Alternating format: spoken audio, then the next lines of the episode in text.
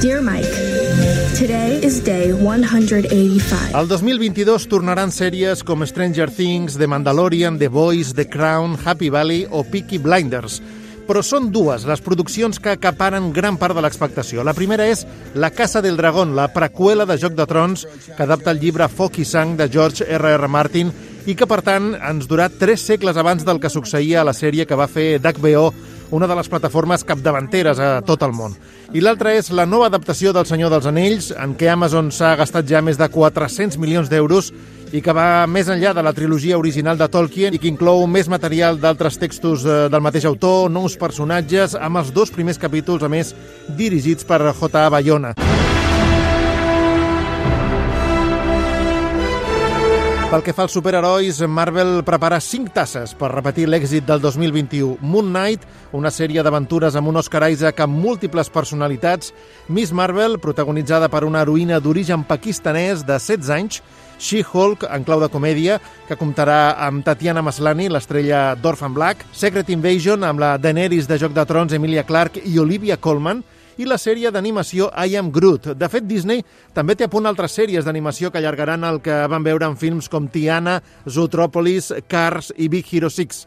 Seguint amb Disney Plus, la propietària de les franquícies més sucoses de l'àmbit de Star Wars està assegurat el retorn d'Iwan McGregor com a Obi-Wan Kenobi i també podrien arribar Andor, un spin-off de Rogue One, i Ahsoka, que explotarà el personatge de Rosario Dawson que va aparèixer a The Mandalorian. Els amants de DC s'hauran de conformar de moment amb El Pacificador i Naomi.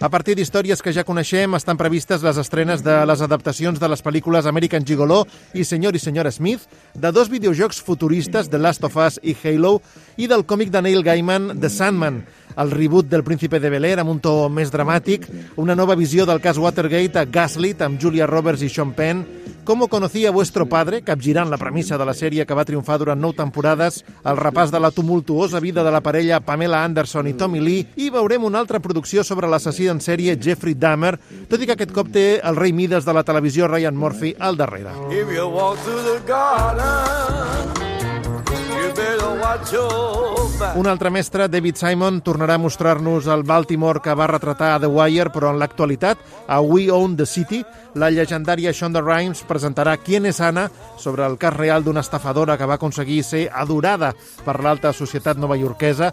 Guillermo del Toro traslladarà la seva imaginació a Cabinets of Curiosities, s'estrenarà la primera sèrie d'Alfonso Cuarón, Disclaimer. Julian Fellows, el creador de Downton Abbey, recrearà ara la Nova York de finals del segle XIX i Jeff Bridges protagonitzarà per primer cop en la seva carrera una sèrie, The Old Man. Todos vosotros creéis que podéis escoger vuestra forma de vivir, que podéis controlar vuestro futuro. Més a prop tindrem la nova sèrie de Pau Freixas a Movistar Plus a finals de mes, Todos mienten, sobre un assassinat que posa de cap per avall tota una comunitat. Apagón, inspirada en un podcast nord-americà d'èxit i amb capítols autoconclusius dirigits per Rodrigo Sorogoyen, Raúl Arevalo, Isa Campo, Alberto Rodríguez e Isaki La Cuesta. Rapa, dels creadors de Hierro, l'adaptació del programa de Catalunya Ràdio Crims de Carles Porta i la primera sèrie espanyola de Stars Play, Express, amb Maggie Cibantos.